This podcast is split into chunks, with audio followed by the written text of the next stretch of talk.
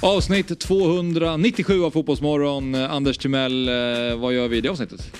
Ja, alltså det var ju så matigt så jag vet inte var jag ska börja. Men eh, vi hade ju kontakt med Mongoliet och eh, vårt senaste eh, utlandsproffs här, Anders Eriksson. Ja, det var enormt roligt att få prata med honom tycker jag. Men det var ju inte bara det, det var ju fler grejer hände, eller hur? Ja, Jonas Strandberg, vi pratar om varför Taylor Swifts fans jävlas med Barcelonas vänsterback Alejandro Balde i Golden Boy-utdelningen.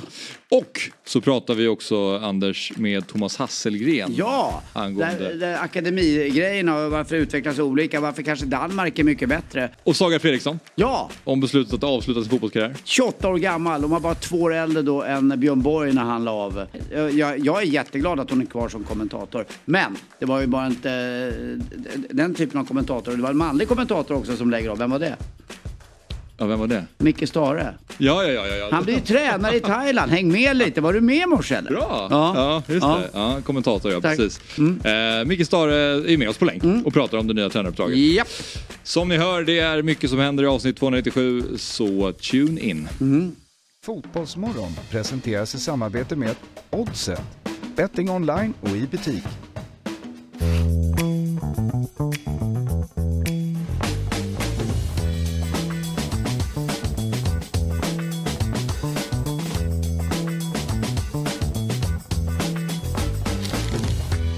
God morgon och varmt välkomna till Fotbollsmorgon avsnitt 297. Det är bara tre avsnitt kvar tills avsnitt 300 Robin. Det är alltså på tisdag. Oj. Ja visst. Sånt som ger perspektiv. Ja, visst är det det. Ja. Jäklar. Har ni varit med hela vägen?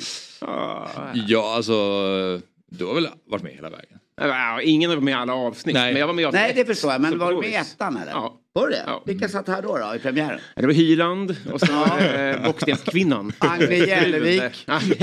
Och eh, farmen Kristina. Just det, precis. Det var där det var. Min, du måste, om, om du har referensen, farmor Kristina. När hon, hon var ju riktigt läskig tyckte de andra deltagarna första året hon var med i Farmen. Alltså verkligen. Okej. Och- Och det berodde ju på att hon har ju rökt då konstant sedan hon var nio. För hon började jobba på båt när hon var barn. Liksom. Och Ja, där ja, rökte ja. alla och då var hon Ja. den i gänget. Så hon rökte liksom hela, hela Men tiden. Hoppeland-Kalle typ eller? Var hon som det? Ja, Ja. alltså eller någon kol. Det fanns, det fanns Man gjorde ju det på gamla ångbåtar. Ja, jo, jo, vet jo. du. Det var, Jo. eh, Ja. de är, ja, Jag vet inte om hon är ångbåtsgammal. Men, men vi, vi kan väl leka det att hon Ja. ja. skyfflade kol och, Ja. och det där stora, hjul, helvete, Ja. det stora hjulet att det rullade och sånt. Det, det var hennes arbete. Dixie Queen, kommer du ihåg den båten? Nej. Den låg nere vid Strandvägen. Det var ju en sån här eh, som skulle gå på Mississippi River, såg det ut Okej. som. Ja. Nu på tal om det, ja, det var ju sån här. Eh, och det, det fanns något som hette Bakis och Skakis där på söndagar som man skulle gå på. Dixie Queen, Bakis och Skakis. Den gick jättebra ett tag. Ja, okej. Den låg där som ett tempel liksom som en f- känsla av man skulle käka såna här kreolska kräftor och dricka mörkare, vad heter det, det, det, jag vet inte, New Orleans är ju eh, frans från början. Okej. Det var lite så. Jag bara, det var ett sidospår Det bara. var liksom brunchstämning Ja, då? På... brunchstämning och partystämning ungefär. Okej. Ja, men på söndagar framförallt vid restaurangpersonal. Ja, ja. Det fanns ju bakis och skakis. Eh, Det. Sen fanns det Nollbången på Alexandra. Mhm. eh, Som var ett gammalt eh, klassiskt discotempel i Stockholm där Alexandra Charles huserade. Eh, Men där gick det in så många unga så till slut fick de ta 10 kronor för vattnet. så att man var det inga de spenderade inga pengar. Nej, På den tiden fanns det ju inga tabletter att käka. Eh, På det, i den utsträckningen som är nu, för nu är det ju tyvärr så. Eh, Då drack man vatten istället. Men då fick de ta 10 spänn. Det var bara ett sidospår Ja, på hade- hjulet där. Ja, Just det. Hon rökte så mycket. Just det. Mm. Och det är ju, till slut, men det fick hon inte göra i Farmen. För det Nej. ju... Hon, TV. hon fick- TV4 framförallt. Exakt, och fick, det skulle ju då signalera att det här var ju då innan det fanns så här ciggindustri och sånt. Mm. Så då fick hon sitt, sitt livs första riktiga ciggabstinens och blev ju då riktigt tokig. Aha, okej. Och de två gubbarna där som var kvar i farmen, de, har ju, de hade ju aldrig varit med om att någon tog över på det sättet. De var ju alltid gubbarna i sammanhanget. Men hon, hon eh, blev eh, helt tokig och till slut blev de så rädda för henne så de gick eh, och gjorde upp en plan. Så här, hur ska vi mildra hennes abstinens? Så de gick till ytterdörren, tog ner den här dörrkransen och började då mala ner så här torkad så här, eh, Halm eller? Ja, halm och så här blåbärsris och Ja, sånt. så och och Ja. rulla i papper och gav henne för att hon skulle röka någonting. Feed me, Ja. feed me. Det är så himla rart. Nej, vad roligt. Rök. Framgick det huruvida det hjälpte Se, någonting? man, man eller? nämner Ja, typ farmor det- Kristina kommer upp grejer. Jag tror lite placebo-glädje uppstod. Ja. Mm. ja men om man, om man ska återgå till där vi började då så var det väl, det var du, det var David Fjell och det var Jesper Hoffman. Just det. Och farmor Kristina var inte med den gången. Nej. Eh, eh, Hur kom som, du med då Filip? Axel. Axel. Det var liksom inte ens nära. Vilken chansning. det kändes verkligen som jag, jag tar ett killnamn här ur hatten. Med? Alltså jag har ju varit en del av Dobb eh, så länge. Eh, och sen så vi, vi behöver ju folk här som, det som snurrar. du in Ja, du menar så? Jag, Ja. jag tänkte så här, hur klev du in i Fotbollsmorgon? Jo men André, vilket avsnitt. ja, det vet jag inte. Kanske avsnitt fem? Den Var det fredags, för- jag skulle ju köra fredagarna och sen så har du numera, nu är det ju fredag visserligen. Men var det sen- som programledare som Ja, du är exakt. nu lite grann? Var Ja, det exakt. från början? Ja, precis. Och du var sidekick från början? Ja, ja, Ja, absolut. ungefär. Men eh, de, det var ju någon tittare som gjorde en uträkning på vem som hade gjort flest avsnitt. Då var det väl, du låg ju ändå högt upp där. Du har varit med väldigt, väldigt många. Mm. Eh, men jag kommer inte ihåg, var det Jesper som Jag tror Jesper, ledde? Jesper David, jag. Just det, Mm. Fabbe, jag, typ. Och sen har vi mycket annat folk som har varit med. Mm, Du ligger där. lite längre ner på den listan Ja, Anders. jag är så himla glad varje gång jag får komma. Ja, jag kul. älskar det. Du har inte varit här på länge. Hur är läget annars i livet Anders? Det, är- det är bra tycker jag. Mm. Eh, det, jag, hemma jag har eh, ett, äntligen två blöjfria barn om ni undrar. Skönt. Eh, jag eh, jobbar på krogen och det är tuffa tider. Mm.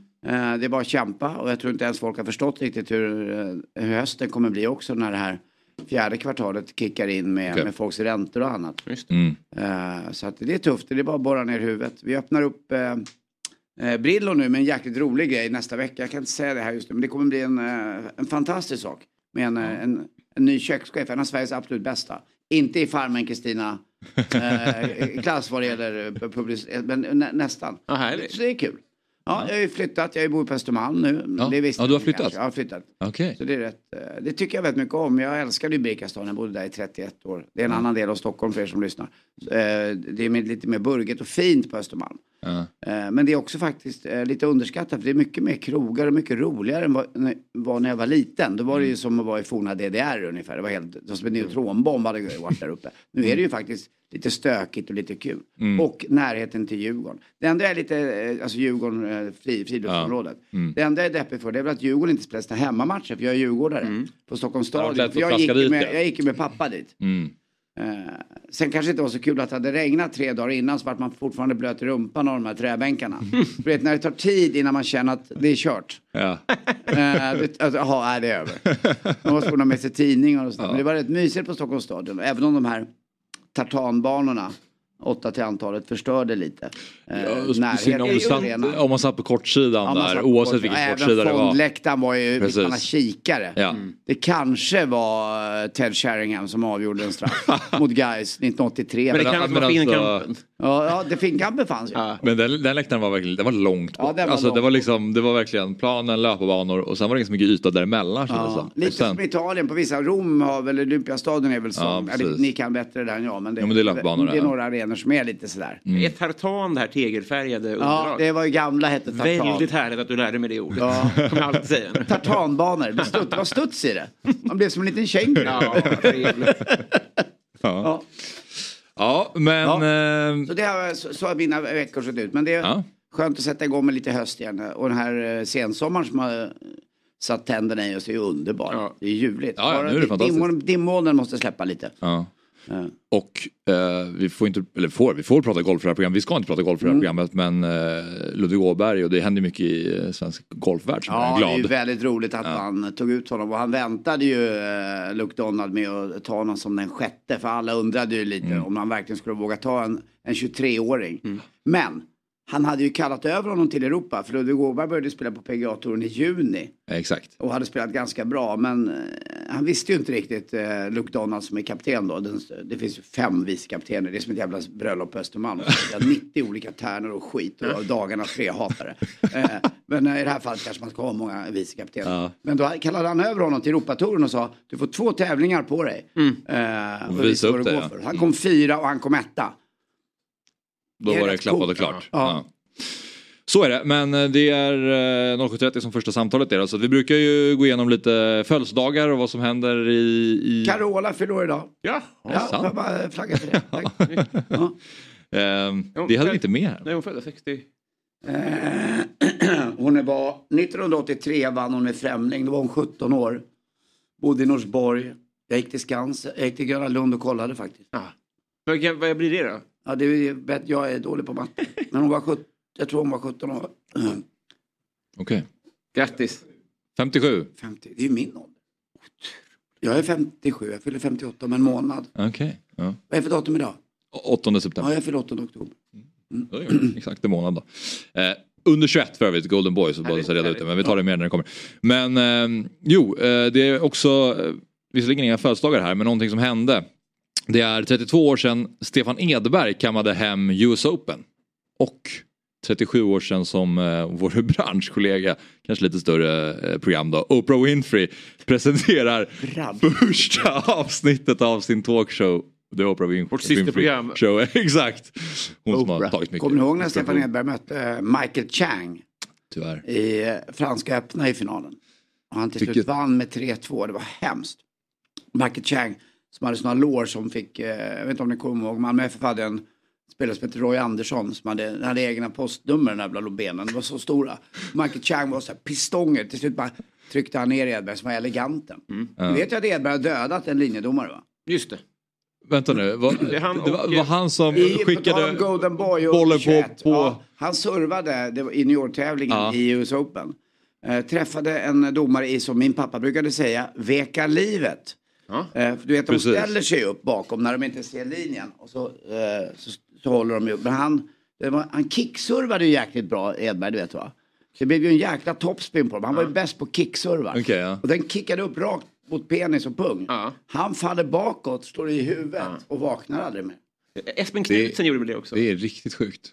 Eh, Servade någon domare i... Nej, men han drog en hockeypuck upp på läktaren. Jaha, det kanske. Det ja, det kan nog stämma. Ja, det är läskigt. Men vad sjukt att, precis för det har jag hört om. Jag visste Ja. inte att det var liksom dessutom. Nej, jag det- tänkte så här, kan, stryker man med då? Men då förstår jag att han föll dessutom var, han, han bakåt. dog, var lite äldre och ramlade alltså så illa så att han fick det. Han vaknade aldrig. Nej. Hur eh, liksom, såg man någon följd av det här på Stefan Edbergs tävlingar efter? Kommer du kommer du ihåg det? Om han var liksom Nej, skärrad av den här händelsen? där, han var väl den yngsta som fick det där. Han fick ett kontrakt med Adidas. I, Inte de, på grund av i det här vevan, inte på grund av det förstås. Eller tack vare eller på grund av vet jag Men på grund är ju negativt. Ja. Eh, han fick ett kontrakt på den tiden på 15 miljoner vilket var astronomiska summor. Just det. Eh, Alltså, Edberg, det är ju, nej, vilken elegant. Han blev ju bra i squashen. För han tyckte det var tråkigt att inte kunna utvecklas i tennis. Mm. Jag har ju spelat mycket squash. Eh, Och han blev ju ganska duktig på squash, allsvensk nivå faktiskt. Mm. Just Mm. det, På grund av och tack vare ja. Det är som med chans och risk att vissa använder Ja, risk. Pappa var alltid på mig om det där. Man kan inte säga att om det är negativt så är det på grund av. Ja, är det bra, tack vare. Precis. Jätte ska jag fråga också. Ja, faktiskt. Hej! Jesper Hoffman från Dobb här. Jag vill tipsa om programmet FBL Sverige som är tillbaka med ny säsong och sänder två avsnitt varje vecka på Dobb TV. I FBL Sverige ser du mig, Axel Insulander och Tobias Wimnell med våra tips hur du lyckas bäst som manager i spelet Fantasy Premier League. Just nu kan du testa Dobb TV i två veckor helt fritt utan bindningstid för att se FBL Sverige och våra andra program på Dobb TV. Detta genom att använda koden Fotbollsmorgon när du startar valfritt abonnemang via www.dobb.tv. FBL Sverige kan du sen se hos Dobb TV via en webbläsare eller genom att ladda ner vår populära app Dobb TV. Så in på www.dobb.tv och testa två veckor fritt med koden Fotbollsmorgon. Jo, men eh, så här är eh, Finns det länder i världen där vi ännu inte haft fotbollsspelande svenskar? Det gör det tydligen för att nu ska vi prata med en herre som redan bockat av Nya Zeeland, Australien och England för att återvända hem till Sverige. Men det skulle visa sig att det fanns ytterligare ett äventyr kvar. Så vi välkomnar eh, Sveriges första fotbollsproffs i Mongoliet till Fotbollsmorgon, Anders Eriksson. Välkommen till Fotbollsmorgon. Ja, men tack så mycket. God morgon på er. God morgon. Du, eh, du får bara berätta för oss till att börja med hur, hur man hamnar i Mongoliets eh, högsta liga i fotboll. Ja, det kan man väl kanske undra. Men eh, nej, det började väl egentligen med att jag haft kontakt med en thailändsk agent under en längre tid. och känt att jag varit öppen för att om det skulle dyka upp någon möjlighet i Asien så hade det varit ett jäkla kul äventyr att prova på har jag känt. Och ja, det var väl kanske inte Mongoliet som jag tänkte på i första hand då, utan man såg väl kanske framför sig någon eh, paradisö med stränder och lite sådär. Men eh, så blev det. Så det var väl, det gick väldigt fort. Det var några veckor sedan här så vaknade jag en morgon av att jag hade fått ett meddelande där det stod att han hade ett erbjudande till mig liksom. Så då började man ju direkt så fantisera lite grann och såg de här stränderna framför sig. Men så jag ringde upp honom och då sa han att det var Mongoliet. Och eh, ja, blev väl lite skeptisk först kanske. Jag har väl inte stenkoll på den mongoliska fotbollen sen, sen innan. Men eh, nej. Men sen eh, ja, pratade jag lite med honom och han och även en kille som jag vet hade spelat här förut. Ehm, Så efter det så gick det ganska snabbt. Så jag hann, jag hann nog inte tänka efter så mycket heller, vilket kanske var, vilket kanske var bra. Eh, Det, det där med stränder kan du ju också glömma bort. Vi pratade lite om det innan. Det är alltså det land på jorden som ligger absolut längst ifrån hav. Okej, det är så. Ja. Ja, det, det bor ju också bara 2,7 miljoner människor i Mongoliet. Och ringer det någon gång till dig då, från Mongoliet då är det plus 976 så ni vet. Okej. Eh, Så det, det är bra att veta också. Och de har en parlamentarisk regering ifall ni undrar. Ja, eh, så att, men jag undrar, vad, det kanske är förmätet att fråga, men du får betalt?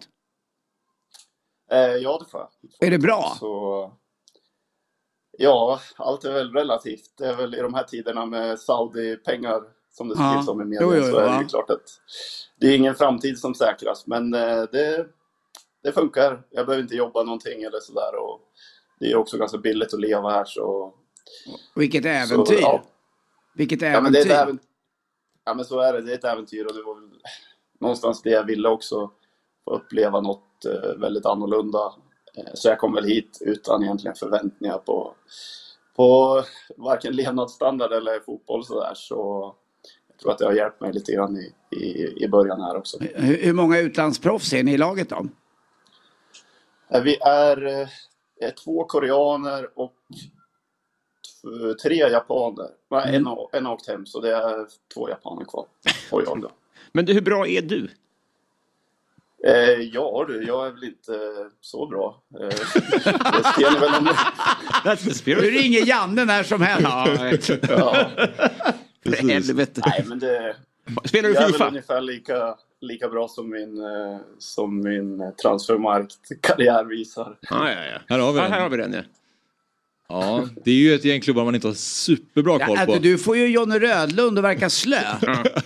Han hade ju, han hade ju eh, kanske någon färre spelplats men annars så, ja. Ska, ska vi ta det? Det här säger mig ingenting. Men, ja, Verdal IL. Åtvidaberg och Sleipner och Mjölby och så här. Vad? Snackar vi division 2, division 1 i Sverige? Ja, ja precis. Just det, okej. Och samma med IFK Östersund också. Mm. Har jag spelat i ganska länge och där, det är ju division 2 också. Så, ja. Eh, och vilken position spelar du? Eh, mittback. Mittback. Språkligt, hur funkar det? Eh, inte jättebra skulle jag säga. Det är väl... eh, Det är väl, jag bor ju med en korean som eh, till exempel inte pratar jättemycket engelska. Så det är ju lite speciellt. Men eh, vi kämpar på ändå och försöker göra oss förstådda med teckenspråk och, och sådär. Så, och det är väl samma i laget är det väl många som inte pratar jättebra engelska. Men några pratar i alla fall så det funkar. Eh, men hur är nivån då, fotbollen?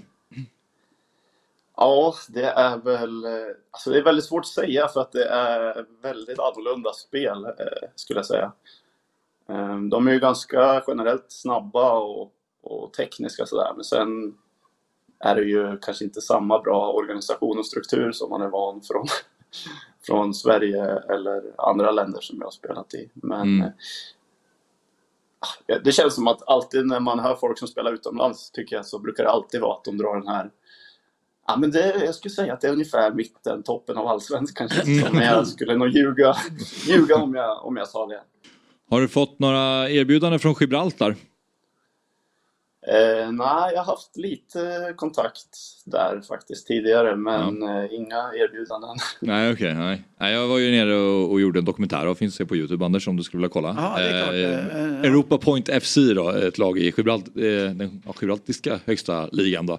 Eh, och de, Gibraltiska högsta ligan. Ja, eller Jag det har finns ju egentligen bara en varit i liga. Gibraltar några gånger. Ja, du har det? Har Ja. de ett, eh, en liga? ja visst. Men spelar de mot de... Eh, Ja, det är typ tio, tio lag. Nej det är Gibraltar-lag. Det hade... Ja. Ja. Det är galet, jag vet, för det är ju så litet där så man Ja. förstår inte hur du får plats med tio lag. Flygplatsen är ju att man går över. Det är ett ögonställe på flygplatsen. Exakt, det är otroligt coolt. Ja. Ja. Men eh, de, i alla fall Europa Point vet jag söker ofta spelare och de har ju en svensk ägare så att ofta svenska spelare. Så det kan jag rekommendera om du vill testa nästa äventyr. Annars behöver ju... Men det är bra. Ja, AIK behöver lite hjälp. Det är sant också. Det är sant också. Ja. Som det har sett ut där så kanske man inte skulle göra bort sig. Nej, nej, nej, nej, nej, nej. Division 2 på Påskön söker en del folk också om du ändå är ute och letar. Och franska papet är också... Ja, du har ju några agenter här i studion. Och just det, FK. Ja, nej, men det är bra Anders. Eh, roligt att eh, prata med dig och eh, lycka till nu resten av Verkligen. säsongen i Mongoliet. Tja! Tack ska ni ha. Ha det bra.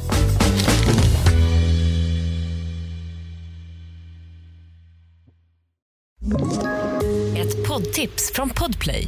I fallen jag aldrig glömmer djupdyker Hasse Aro i arbetet bakom några av Sveriges mest uppseendeväckande brottsutredningar. Går vi in med hemlig telefonavlyssning och, och då upplever vi att vi får en total förändring av hans beteende. Vad är det som händer nu? Vem är det som läcker? Och så säger han att jag är kriminell, jag har varit kriminell i hela mitt liv men att mörda ett barn, där går min gräns. Nya säsongen av Fallen jag aldrig glömmer på Podplay. Ja, Det finns så roliga grejer här tycker jag. Fattar inte hur ni lyckas. ja, du får säga, prata med Otto och Viktor och hela gänget. Otto! Jag håller med David. Du är grym. Ja. Lyssna inte på de andra, du är grym. ja, precis. Han har ju många kritiker. Ja, har han det? Internt? För mig är han guld värd. Ja. Ja, vi eh, ska ju gå från Mongoliet, eller Mongoliet, Mongoliet heter det, eh, till, eh, till Golden Boy och Taylor Swift. Men eh, jag vet inte om vi har Jonas Strandberg med oss än. Jag tycker det ser ut så om jag kollar på datorn där borta. Så så här är det Anders. Att, eh, Årets Golden Boy då, den som ska få utmärkelsen eh, bästa spelare under 21. Eh, Jude Bellingham spelar i Real Madrid, han, har ju, eh, han var ju med i VM för England och har spelat i Robins favoritlag Dortmund och varit väldigt bra och nu när han kommit till Real Madrid, in i Real Madrid så har han varit väldigt bra i början av den här säsongen. Och så finns det några till eh, namn på den där listan, Musiala. Och så finns det också Alejandro Balde som är vänsterback i Barcelona.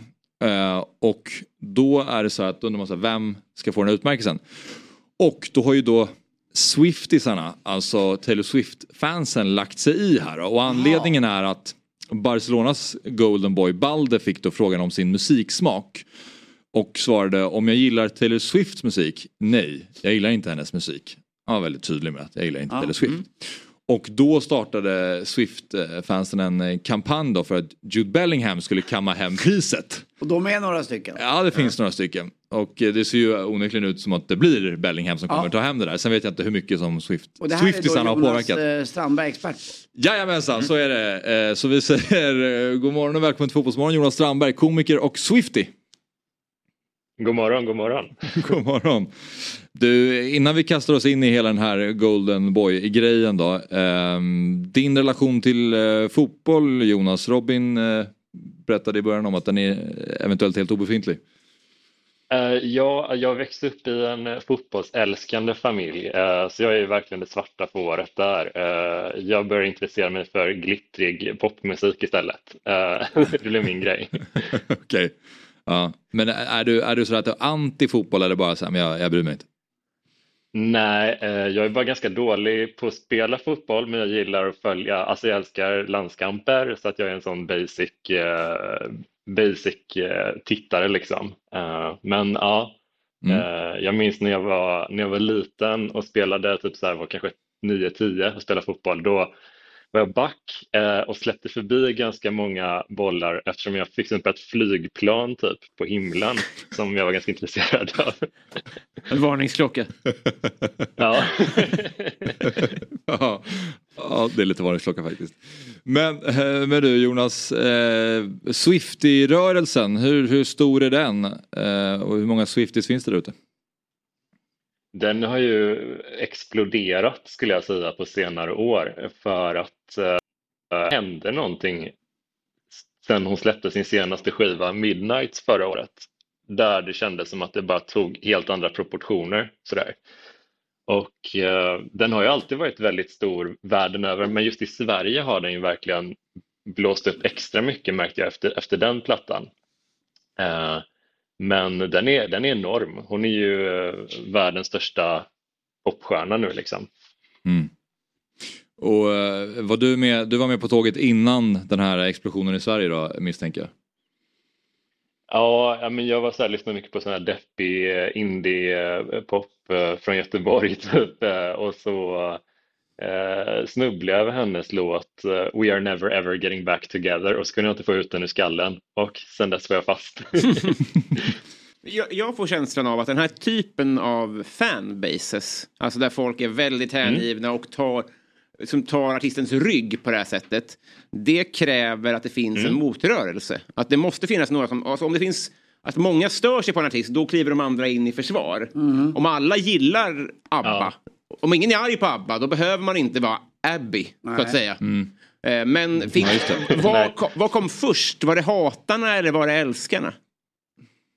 Jag tror att, eh, alltså, ni, jag har läst på lite om det här, eh, den här situationen såklart som ni pratade om nu innan jag hoppade in i samtalet, men jag tror att det låter ju absurt när man hör det, men jag tror att man måste ha liksom perspektivet att eh, mellan Taylors album 1989 och Reputation så var hon föremål för extremt mediehat. Alltså det var verkligen helt sinnessjukt. Det var ju den här Kanye West-situationen som triggade igång det lite.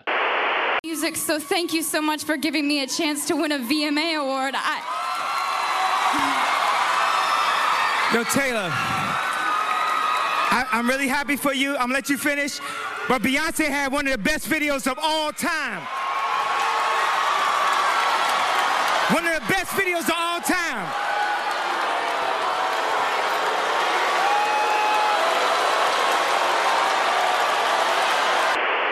Och eh, hon anklagades för både det ena och det andra och var liksom i skottlinjen medialt verkligen. Jag tror att det gjorde att hennes fans utvecklade en hyperkänslighet kring kritik mot sin, uh, sin uh, favorit. Liksom. Mm. Det, är inte ett, det är inte ett hat vi ser nu, utan nu är ju om någon inte tycker om, han, han uttryckte sig otroligt milt den här snubben liksom. Ja. Nej, jag tycker inte om hennes musik. Vad fan säger du? Otroligt. Men eh, för oss, eh, ja, jag, jag, jag, kanske inte hade reagerat lika mycket sådär som många fans gjorde, men jag tror att det, det förstärks mycket med att man är ganska ärrad som eh, Swifty historiskt. Mm. Liksom. Man är mm. beredd att försvara den fast hon inte behöver försvaras nu. men vi, vi, vi, vi jämför lite med fotbollssupportrar här, men kan du också uppleva, för jag tycker ju Eh, jag tycker inte att firman då, jag hejar, jag hejar ju lite på AIK men det finns också som hejar mycket mer på AIK än vad jag gör och jag tycker inte att man mäter supporterskap i vem som kastar flest bengaler. Ser du lite samma, samma sak här? Mm. Att visst, ni tycker, eller upplever de att de är mer Swiftist för att de så att säga röstar på Bellingham? Här, alltså gör eh, motsvarande kastar bengal. tillbaka till eh, tack Ja. Jag skulle komma in där. Ja. Tagit en liten stund bara. Ja, men jag, jag tror att uh, det finns ju, uh, ja men så här, hon, Taylor gästade sin, eh, eller hon var gäst hos sin kompis eh, Jack Antonos bröllop, bara som gäst och sådär. Eh, och på hemlig adress och så fick fansen reda på det och dök upp i massor utanför den här bröllopslokalen som då hade haft, varit på hemlig adress och verkligen sabbade ganska mycket. Och de människorna som dök upp där, de blev ganska avskydda generellt i Swifty-kretsar. Jag tror att det här kan ha en liknande effekt faktiskt. att de som deltar och mobiliserar en sån här rörelse, det är inte, det är inte superhärliga människor kanske. Men, men innan, innan vi tog kontakt med dig för att prata om det här, hade du nåtts av den här kuppen som skulle göras mot eh, Balde som hade sagt att han inte gillar Taylor Swifts musik? Ja, alltså min kompis Sebastian Mattsson, eh, han skrev att han, var, han tyckte det var obehagligt. och, och det, det finns ju någonting djupt obehagligt i den här kvicka responsen eh, ryggmärgsmässigt som kan ge en sån här, eh, och att det är så många som rycks med också. Ja. Jag tycker det är ganska men eh, ja, det är också, jag tror också att eh, deras engagemang gör att det kommer bli väldigt roliga konserter nästa år. ja, det kan jag Det tänka mig. är ganska sinnessjuka människor på ett härligt sätt. Men eh, Jonas, innan vi släpper det, vilken är den bästa låten med Taylor Swift? Eh, Red från albumet Red. Har ni hört? Ja, ska jag lyssna på. Ja, det min... Och den andra som var så catchy. den. Den där som var så catchy som fick dig att falla för den. Vad hette den? Eh, We are never ever getting back together. We are ever never getting back bra. together. Men den har jag hört Anders. Jag tror att du, precis, man, Den kan var lite längre den titeln dock. Eh, Jag är lite äldre. Men jag tar till mig. Jag kör Red. man kan nästan höra låten genom att bara höra titeln. Ja. Den är, låter Även, typ så. Min, back, back, jag, back, back. jag är svag, eh, exakt. Jag är lite svag för blank space. Åh, lite lugnare. Men trycker till Ja, ibland. den är nice. Ja, bra. du det? Ja, fan, jag är inte dum i huvudet. Ja, det är min favorit i alla fall. Du säger också. att du gillar Taylor Swifts musik. Ja, Jag gör det, absolut. Vem gör inte det? Ja, men vad bra. Ja. Vad bra, då Ja. behöver Ja. vi inte anordna en aktion mot fotbollsmorgon. Nej, nej, nej, nej. precis. Fast all publicitet är bra, så jag hatar Taylor Swift. Du kommer att stå utanför studion. Du kommer inte kunna lämna Jag den här studion. Stora uppsvinget för Tuttosvenskan. Ja, precis. Det var Filip som sa det. Otto! Det är ju Robin, eller ja. Ja, förlåt. Jag säger så mycket namn här. Robin och... Ja. Robin och Axel. Tack. vi, vi Jag är med. Otto, jag kan dig i alla fall. Ja, det. Och så har vi med oss eh, Jonas på länk då. Tack. Ja, då Och Anders var med förut från, eh, vet jag, från Mongoliet. Mycket bra. Men eh, vi, vi ska släppa det nu Jonas och jag vet inte om det dessutom hängde sig. Men eh, stort tack för att du var med. Tack. Tja. Ha det bra Jonas.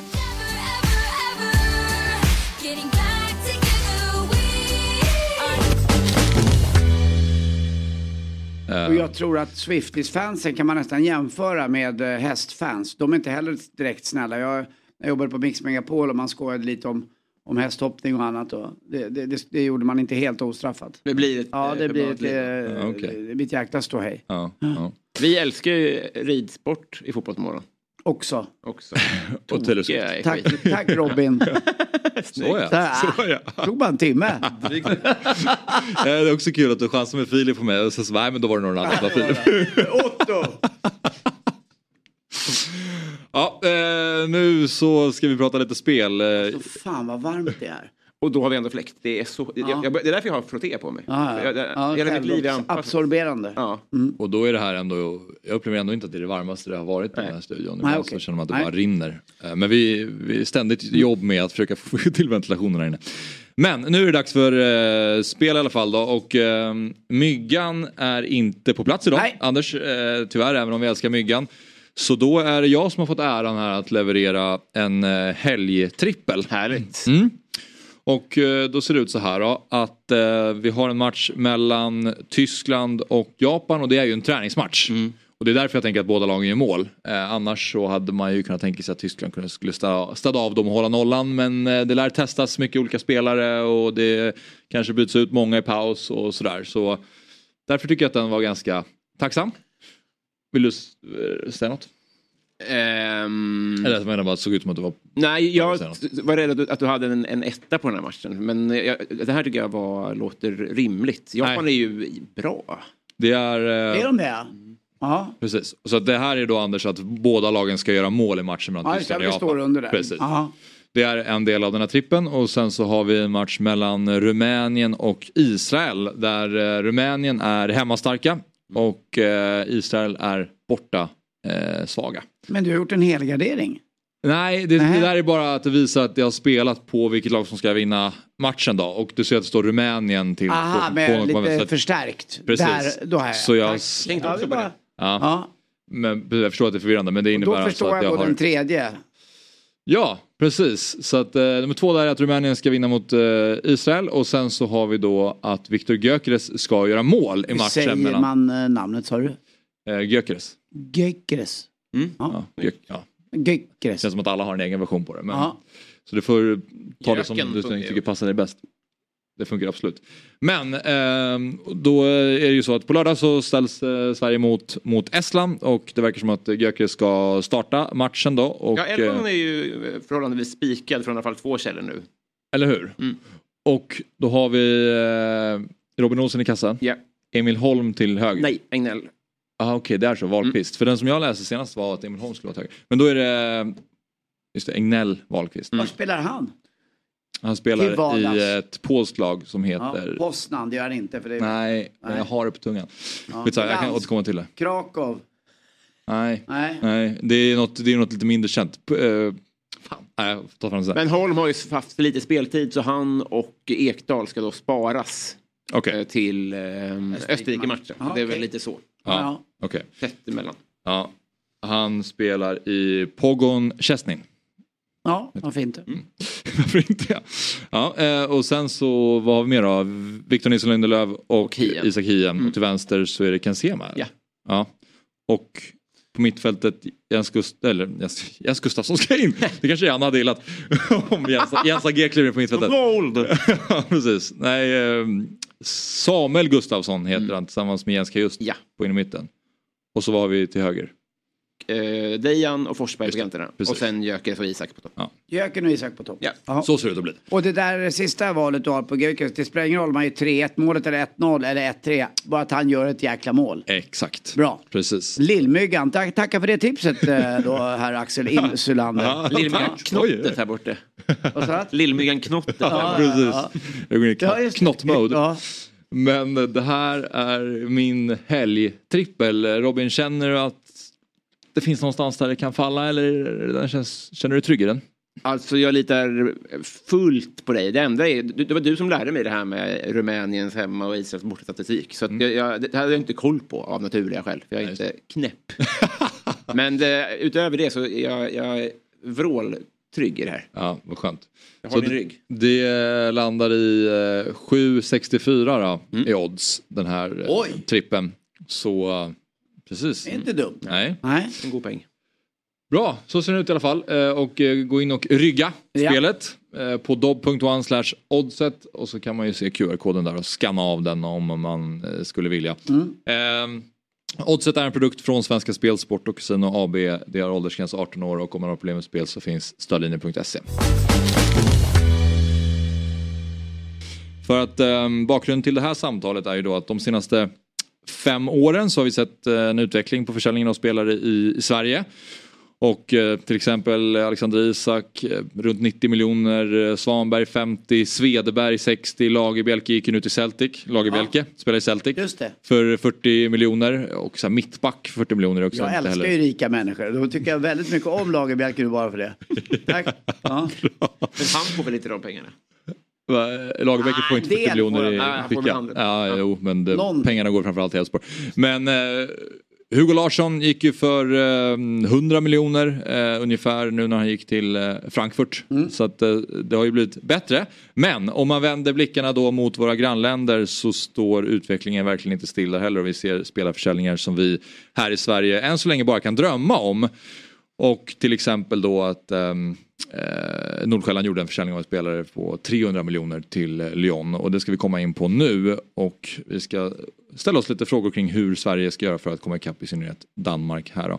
Och då har vi med oss eh, Svensk Elitfotbolls akademiutvecklare Thomas Hasselgren så vi säger god morgon och och varmt välkommen till Fotbollsmorgon. Tack så mycket. Tack.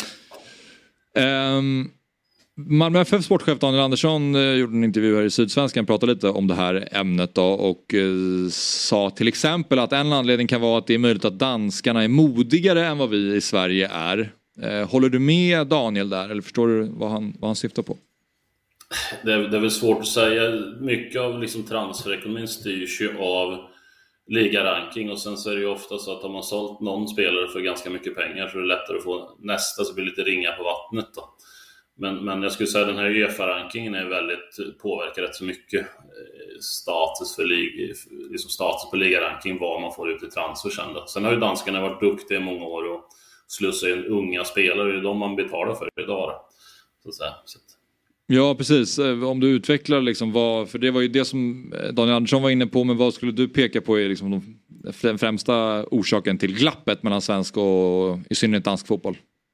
Nej, men att danskarna har ju alltid legat långt fram när det gäller talangutveckling och, och i många, många år. Så att sen har ju de sista åren skruvat ordentligt på det och investerat i enorma summor och återinvesterat på de här försäljningarna som du pratar om. Eh, och varit duktiga på kanske att slussa in spelare, eh, unga spelare in i eh, A-lagsverksamheten då kanske. Men, men det kommer ju hos oss också lite grann nu när vi diskuterar det. Men, men där har man ju satt, jag tror snittåldern i Superligan är nästan två år yngre än Allsvenskan då, fast ligan är högre rankad då än, än våran då. Och, och två år, det är ju en eoner av tid i det här sammanhanget, är det inte så? Jo, det är ganska mycket. väl. Men sen kan det ju vara att har man någon äldre spelare så blir det gärna att man höjer snittet väldigt mycket. Men istället kanske för att plocka hem spelare som är på väg neråt så, så har danskarna istället att lyfta upp egna spelare så att säga, och förberett dem. Så att man har väl investerat där och när man investerar mycket pengar på akademierna så måste man ju någonstans slussa upp dem till slut. För det är ingen idé att investera pengar om man inte får ut någonting. Då. Jag, jag vill inte säga att det är hans fel, men det är allt Marcus Rosenbergs fel. Att alla vill... Har satt standarden för Ja, hemvändare. satt standarden för hur bra det kan bli med en hemvändare. Ja, det vet jag inte. Han gjorde ju, han gjorde, man kunde ta ifrån det. Det var ju jävla bra Malmö för han hjälpte dem till Champions League. Exakt, men sen måste dess har alla haft det som vi måste exempel. hitta någon, någon balans där och samtidigt måste ju de unga spelarna vara tillräckligt bra också. Så att, för det står ju en eh, A-lagstränare som är rädd om sitt jobb också, så jag förstår ju problematiken där. Då.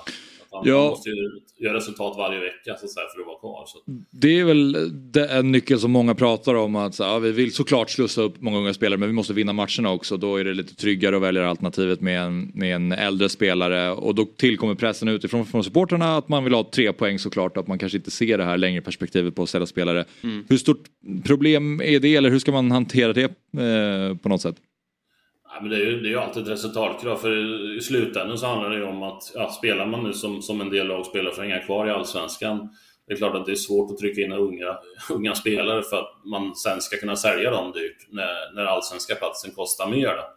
Och det är även om du krigar om ett guld också. Så, att, eh, men samtidigt så måste man ju vara tydlig i strategierna när man bygger sina trupper, då, att det finns en bra balans då, mellan eh, rutinerade, erfarna spelare som faktiskt kan hjälpa de unga spelarna att utveckla sig och bli ännu bättre. För de är ju inte färdiga när de kommer upp i A-laget, de unga spelarna. De måste ju utbildas där också och ta steg. Mm. Jag måste fråga en sak bara. Eh, Just här, eh, jag är lite mer novis kanske än, än, Robin och Axel. Jag undrar, du sa certifiering och akademi har jag ju fått lära mig nu genom åren. Att Kan vilket lag som helst säga att de har en akademi eller måste man vara certifierad för att ha det namnet så att säga bakom eh, sin klubb? Det är ju inte något skyddat, men man kan säga att för att vara akademicertifierad förening så måste man tillhöra då eh, Allsvenskan, Superettan eller Ettan då. Ja, okej. Ja, så det, det, vi är väl 42 klubbar som har liksom, eller 40 klubbar som har, och så är det ett stjärnsystem 1 till 7 stjärnor då. Så det är 40 klubbar som fick en, stjärna, en stjärna eller mer i fjol. Ja, för jag hör ju ganska ofta i min bekantskapsrest där de säger att deras son eller dotter spelar i akademin och då wow blir det liksom. Det är, det är väldigt viktigt att man säger just akademin. Det har ju fått en viss status. Ja, jag tror det är framförallt Stockholmsområdet, men det är många klubbar liksom som använder det begreppet. Då. Mm. Sen är inte det skyddat, men vi säger en akademicertifierad klubb via Junicoach då, som är vårt projekt. Eh, det kan bara de, de föreningarna ha. Ja, Okej, ja, men då fattar jag. Tack! Så åker man ur ettan, då tappar ens akademi sin, sina stjärnor också. Ja, det gör man. Man får, får ett år dispens då, får man om man har fått den. Men jag kan säga, det är tio klubbar i ettan som är i år och det är ingen som är en klubb som har två stjärnor, resten har en stjärna från ettan. Så det är ganska tuff, tuffa krav för en klubb på den nivån. Då. Och Malmös akademi eh, står starkast va? I Ja. Malmö är enda som har sju och så är det bara AIK som hade sex och så är det väl fyra som har fem då, om inte jag minns helt rätt. Och bland alla som är med här i Fotbollsmorgon så är jag den enda som inte riktigt är certifierad ska du veta. Jag kämpar Ja, ja. på här i division Det är bra. 2. Ja, jag är lite som eh, Halmia. Tack, jag vill bara säga det. Tack. Men eh, grymt Thomas, eh, stort tack för att du var med. Tack så mycket. Tack. Tack snälla. Ha det gott. Jag är inte orolig för svensk fotbolls framtid rent eh, akademiskt. Alltså, ak- alltså vilken ordning och reda han hade på det här. Verkligen. Va? Verkligen. Det är inte bara ett inlägg och en hörna och sur på frispark eller inte utan det är ju sånt här som är bakom som gör att vi kan se på fotboll på Discovery eller ha ett favoritlag eller någonting. Men det glömmer man ganska lätt bort som tittare när man är sur på en domare att det sitter såna här killar eller tjejer och faktiskt bygger svensk fotboll. Häftigt. Och de har en ganska stor press på sig nu med tanke på just att eh, Ja. Danmark och Norge har ju också, de, Norge hakade ju på Danmark för några år sedan tidigare än Mm. vad Sverige har gjort vilket innebär att Norge också, just de här frågorna kring planer och tränare, Mm. mm. satsar på akademier, där ligger de också före och har en eh, högre rankad liga dessutom just nu eh, än Mm. allsvenskan där allsvenskan har legat före, jag vet inte om det heter tippligan fortfarande. men Jo, jag tror det. Gör den det? Jag vet inte. Ja. Skitsamma. Eh, Får jag bara säga en liten grej? Ja. Vad sjukt det är. Jag visste inte att Lagerbielke, jag har nog glömt att han kom via Västerås. Ja, jag med. Arosvallen. Men de får sluta spruta ur sig snaggade mittbackar till landslaget nu. Vad, vad pågår? Nu är det Det är det Vicke sen Liston, sen Liston dog kanske. Eller han var Eskilstuna? Men han var väl i Västerås också. Ja, Jo, precis, den, precis. den arge. Men varför är de så bra på att göra mittbackar? Så konstig specialitet. Tre landslagsbackar. Asea Atom ligger ju där. Ja. Kanske är något sånt. Jag vet inte. Är det paus nu eller? För jag är Ja, jäkligt en törstig. paus. Jag måste Eh, fråga också, kan vara en cliffhanger över reklamen eller vad det är. Är det relief på din skjorta eller tröja? Vad innebär det exakt? Att det är lite, det är lite som en blindskrift? Ja precis. Ja, Ja. det ja. Så man kan läsa ditt namn om man drar sig? Ja, absolut. Ah, Du kan få känna i pausen. Vad, vad hette löpunderlaget? Tartan. Tartan. Är det, det är tartan på min skjorta? Ja det är det ju, lätt. Kan säga att eh, eh, tippeligan bytte namn till elitserien eh, 2017. Så det ligger bara sex år efter. Vi är för gamla. ja, borde man kanske ha kunnat. Mm. Eh, men nu ska vi ta en kort paus. När vi är tillbaka då ska vi prata med Saga Fredriksson och du ska springa iväg va? Ja tyvärr. Hälsa Saga. Stare då? Ja men det är efter Saga. Ja, bra. Ja, Stare ska vara med. Ska du dra? Ja. Du gör en Andy. Jag brukar gå Precis, du tidigare ibland. Ja. Ja. Ja. ja men pausen är kort så att vi alldeles strax tillbaka och då ska vi pra- prata med Saga Fredriksson så att, eh, sitt kvar.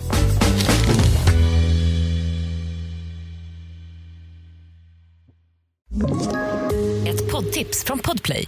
I podden Något Kaiko garanterar östgötarna Brutti och jag, Davva, dig en stor dos skratt.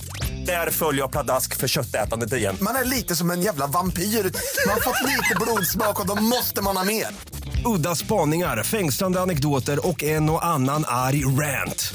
Jag måste ha mitt kaffe på morgonen för annars är jag ingen trevlig människa. Då är du ingen trevlig människa, punkt. Något Kaiko, hör du på Podplay. Därför är Varmt välkomna tillbaka till Fotbollsmorgon avsnitt 297. Eh, Anders Timell är på väg in här efter att hämta lite dricka. Ständig avbytare. Sätt mig nära dig. Ja, Kan jag känna på Ja, den här? Ja, det är relief. Visst, Ja. ja. Vad det jag Axel. utgick från att du menade, men Ja, jag var inte helt bra. säker. Ja. Eh, Robin har som sagt, eh, han var tvungen att springa iväg. Eh, men vi kör på här då, i Fotbollsmorgon och nu ska vi prata med Saga Fredriksson. Eh, Och eh, efter att ha representerat klubbar som Rosengård, eh, Limhamn Bunkeflo, UCF Knights, Sassuolo och Malmö FF väljer vår nästa gäst nu att avsluta karriären blott 28 år ung. Eh, Men vi gissar att arbetet inom fotbollen är långt ifrån över. Vi säger god morgon då till våran Dobb-vän, för detta fotbollsspelare och via Play-experten Saga Fredriksson. Hej, god Hej. morgon. God morgon. Jag är ledsen att vi är lite sena här. Eh, varit lite förskjutning i schemat. Men eh, Saga, bara inledningsvis, berätta om, om ditt beslut här att du lägger skorna på hyllan. Eh, nej men det är lite som du var inne på att eh, under tiden som jag har spelat så har jag ju också rullat in på en annan karriär som har, har tagit fart. Och eh, det känns väl som att eh, till slut så gick det inte och eh, det gick liksom inte ihop tidsmässigt och, och satsa på båda delar. Och eh, nu, nu kom det ena före det andra på något sätt. Så att, eh, det, är, det, var lite, det är en lite märklig timing. Och som du säger, jag, så gammal är jag inte än. Men, eh, men eh, det kändes som att det var rätt beslut eh, när man inte kan vara riktigt hundraprocentig på, på planen längre. Mm. Hur länge har du eh, funderat över det här beslutet? Oj. ehm, så här, det, det är ju hela tiden en avvägning. Ehm, när man är, är som jag är, att i alla fall vill göra allting så he- helhjärtat jag kan, så har det liksom hela tiden varit en, en balansgång av hur mycket jag har missat träningar och matcher och ehm, eh, då, då kommer ju den här tanken smygande ganska ofta. Så att, eh, exakt tid har jag väl inte så här i huvudet, men det har väl ändå varit en, ehm, en tanke som har varit där ett bra tag. Har du, eh, jag förstår att det det här har först gått i ditt huvud, först av alla förstås. Att du började dela med det här. Men har du märkt också med lagkamraterna att de har börjat undra också, ska hon få träna? Ja, du vet det här, den här avundsjukan som kan komma upp och som du kanske ville förekomma. Nej, vet du vad? Jag, jag har varit bortskämd med väldigt fina lagkamrater. Så åtminstone har det inte nått mig, så kanske känslan har varit där ändå. Eh, nej, men jag tror att eh, vi har byggt väldigt fina relationer i och med att jag var med från uppstarten i Malmö 2020. Så de, de vet vad jag är för typ av människa också. Så att, eh, jag tror att de, de vet liksom också att jag har hjärtat på detta stället. Eh, förhoppningsvis i alla fall. Eh, så att jag tror inte det har kommit upp där och snarare bara varit jätteglad att jag har fått möjligheten att, och, eh, satsa på den karriären som jag gör nu. Eh, så, så tacksamt nog så har jag inte suttit i den båten. Initialt här så sa du också att eh, du har väldigt mycket fina fotbollsvänner som du spelar med och att du aldrig hört någon skitsnack eller någonting. Och det blir väl jobbigt för dig att släppa dem. Eh, det här omklädningsrummet-grejen och matcherna och allt, allt det där runt omkring som jag, jag tror är, det kan bli en viss abstinens av i alla fall, eller hur?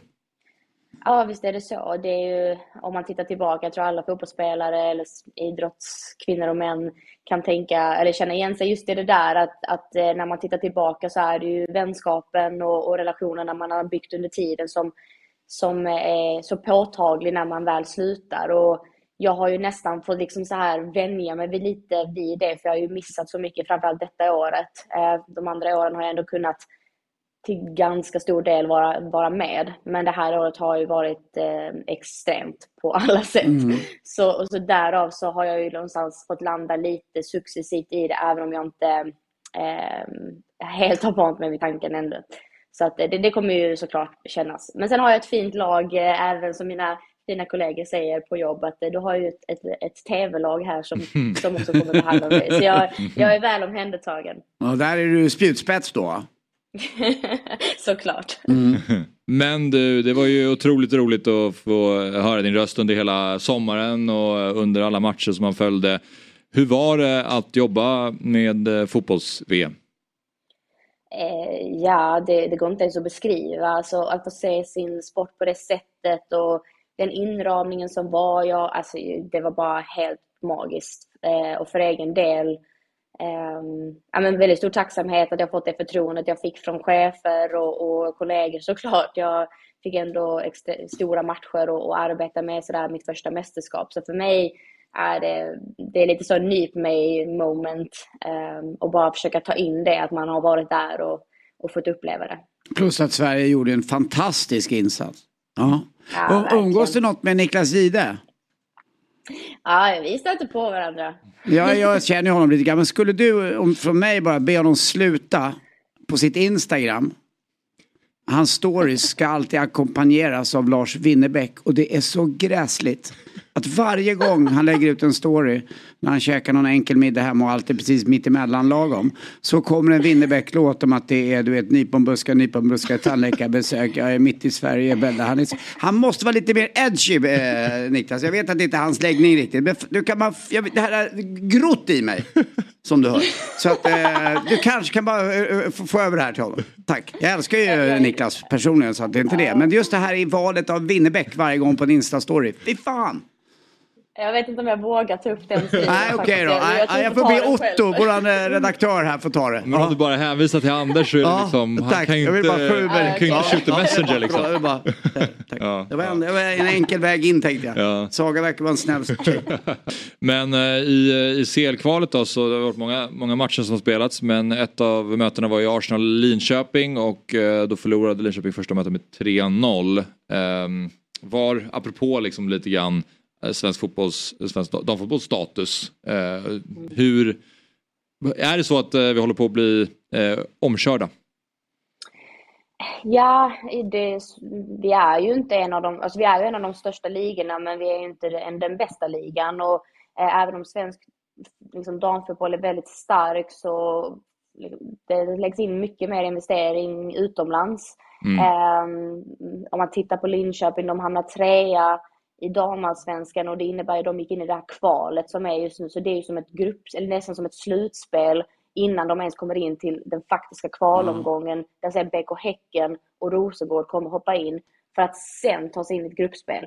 Så det här just nu, det är ju inte ens dubbelmöten utan de möter Arsenal, det var en chans och sen så är det som att de kommer till final på Mm. lördag spelas de eh, sista matcherna där. Så det, det är en jättetuff väg att gå för ett, ett Linköping som inte har varit i den situationen tidigare. Eh, så man kan inte begära speciellt mycket men det är också absurt att Arsenal är där om man, om man ska lägga det då i någon slags eh, paritet. Så att det är det, ja, vi är Mm. efter, det är vi eh, utan tvekan. Jag tittade på sammandraget lite grann och jag tyckte Linköping hävdade sig bra. Det, det var inte, det kunde ha räckt med 2-1 eller något liknande. För Linköping hade några bra chanser också. Så att det var inte helt, även om vi torskade med 3-0.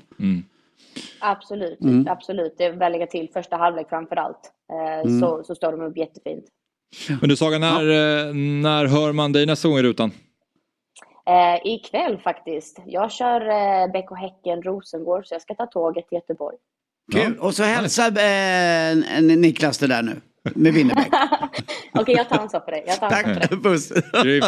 Eh, tack, tack, Tack Saga för att snälla. du var med. Hej. Hej. Hej.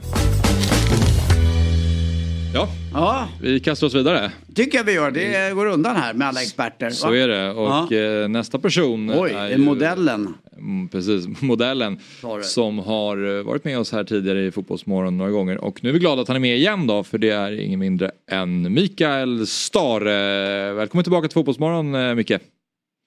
En stort tack, hörni. Du befinner dig i Thailand. Jag är i Thailand, absolut.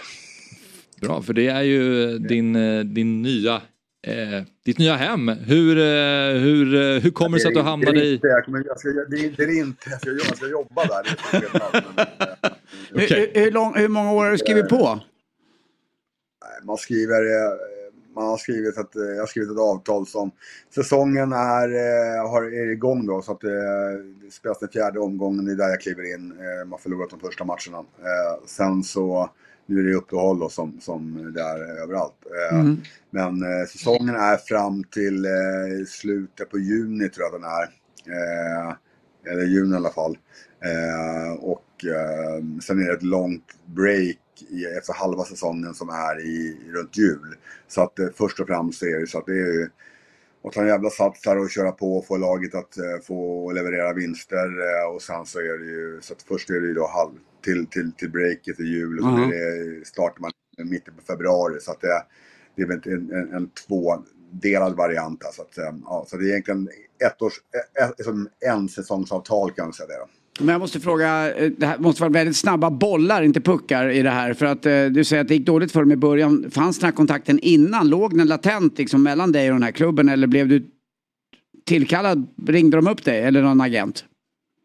det funkar ju så liksom att det är klart att jag har ju liksom folk som, som jobbar med de här sakerna åt, åt mig och tar fram uppdrag och så, och alternativ och sen har det funnits en diskussion där, där det inte har varit otänkbart liksom att, att den här klubben ska byta tränare liksom, kanske till och med in, in, innan eh, liksom, Säsongstart. börjar det gå dåligt. Så, så, att, vet du, det, så att eh, det har väl funnits där under en period. Så att, eh, sen så blir det ju alltid så att först är det lite snack och sen blir det mera allvar och så blir det väldigt skarpt läge och så blir det extremt snabba puckar eh, så, och bollar.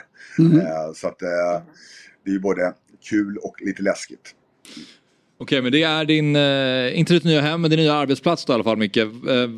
Hur gick tankarna när, eh, först dök upp en, eh, när det dök upp en thailändsk klubb som skulle kunna vara ett alternativ? Nej men jag har ju varit lite överallt och det är klart att man liksom Fotbollen spelas ju inte bara i Europa, alltså, fotbollen spelas ju i hela världen. Fotbollen spelas i Asien, spelar, fotboll spelas i den här delen av, av, av världen och väldigt stor. Och fotboll är ju världens största sport. Liksom. Och ett land som Thailand, det är ju 66 miljoner invånare i, i Thailand. Och det är klart liksom att eh, det är som inget litet land och fotboll är en stor sport. Och, och första ligan har hög status och det är en folk på matcherna och det finns pengar i sammanhangen och allt det där. Typ så. så att, det är klart att, att eh, men jag har varit öppen hela tiden med att jag är intresserad av olika typer av marknader och det har väl jag haft som signum och, och eh, jag så- såg det som intressant. Sen så har, har det funnits andra alternativ på vägen. Och så får man värdera upp och nersidor och vad det innebär och vad, vad man vill ha just nu och vad man behöver nu just nu. Och sen så är det ju eh, ja, vad, man, vad, det, vad man får för betalning och sådana saker och vad det finns för utmaningar och, och liksom utvecklingsmöjligheter för en själv också. Så att, så att, vet du det, så att ja, så är det. Så nu, nu ska jag köra i alla fall. Första träningen är imorgon och sen spelar vi första matchen då den, den 18 eh, eh, september. Mm. Och eh, ett annat, eh, en annan klubb som det har ryktats om är Stabäck. Vad, eh, hur nära var det att du skulle vara huvudtränare för Stabäck? Alltså egentligen det är så här standardsvar som man har eh, som, som, som tränare. Som att man, man kommenterar inte sådana där saker liksom så. så att det, det är väl, det är väl, och jag kör samma sak även här nu så att jag, jag vill inte kommentera det överhuvudtaget. Nej. Det är ju det är ju bra att eh, batten är ju stärkt mot kronan också. Vi som har eh, eh, eh, koll på det där som har varit på någon semester där någon gång. Det, det är väl, Det är så. ja, är, är det, är det en bra, du, du säger att du inte svarar på det, men är det bra betalt jämfört med en, en svensk eh, tränarlön? Riktigt. Ja, bra. Tack. Jag älskar Micke när han är kortfattad. Att, eh, Men. Micke, eh, hur, eh, hur ledsamt är det att inte kunna liksom, slutföra säsongen på Discovery och följa allsvenskan in, in i mål? Det är ju ett skitkul jobb. Det är ju ett skitkul jobb. eh, Super eh, trevlig kontext. eh, Alltså det finns ju ingenting negativt med det jobbet överhuvudtaget. Trevliga kollegor, kompetenta kollegor. För jag tycker det har varit, har varit kul måste jag säga. Det, må, det, måste jag säga. Det, är- det är det som är det, det, är det som är det tyngsta i kombination med att det blir ett avstånd eh, hem till Sverige till sina liksom, nära och kära och så. Mm. så, så. Ja, vi, Men eh, jag hoppas väl att kunna liksom att, eh, jag hoppas väl att kunna ha, att ha känt så pass bra från, från båda parter att jag, att det, inte- att det inte skulle vara helt uteslutet att kunna på, i, liksom i, i, i, kunna jobba där i framtiden. Sen så, såklart så är jag ödmjuk. Jag förstår ju som att det, är ett- det är ett attraktivt jobb så det är många vill ha ett sånt jobb och så ska man, ska man finna sig igen. Så att, men eh, det gör jag gärna på något sätt i framtiden för det tycker jag var jätte, jättekul.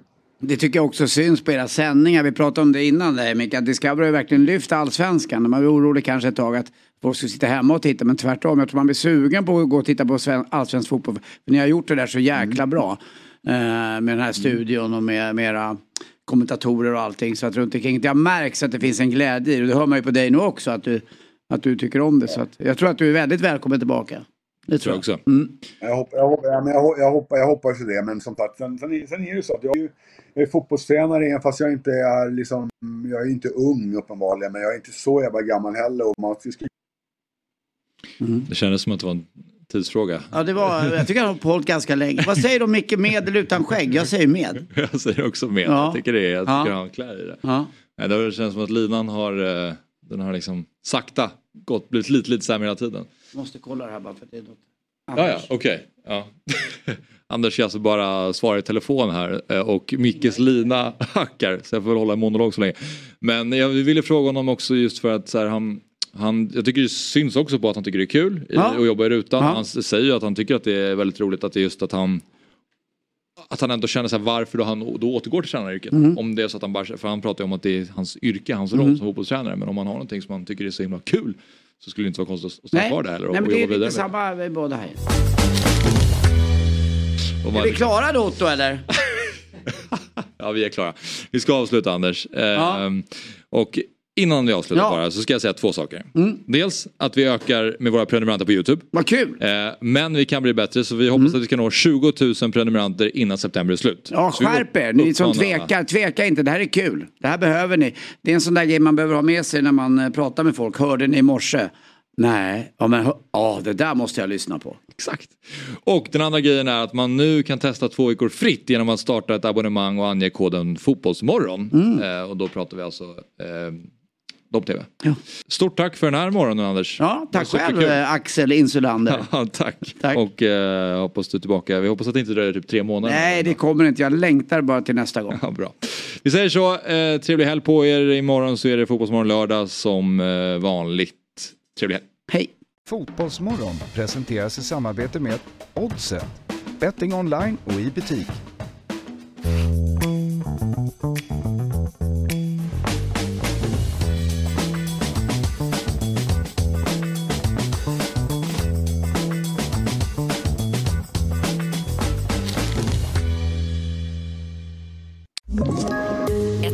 Poddtips från Podplay. I podden Något Kaiko garanterar östgötarna Brutti och jag, Davva, dig en stor dos skratt. Där följer jag pladask för köttätandet igen. Man är lite som en jävla vampyr. Man har fått lite blodsmak och då måste man ha mer. Udda spaningar, fängslande anekdoter och en och annan arg rant. Jag måste ha mitt kaffe på morgonen för annars är jag ingen trevlig människa. Då är du ingen trevlig människa, punkt. Något Kaiko, hör du på Podplay. Därför arkadeinerna.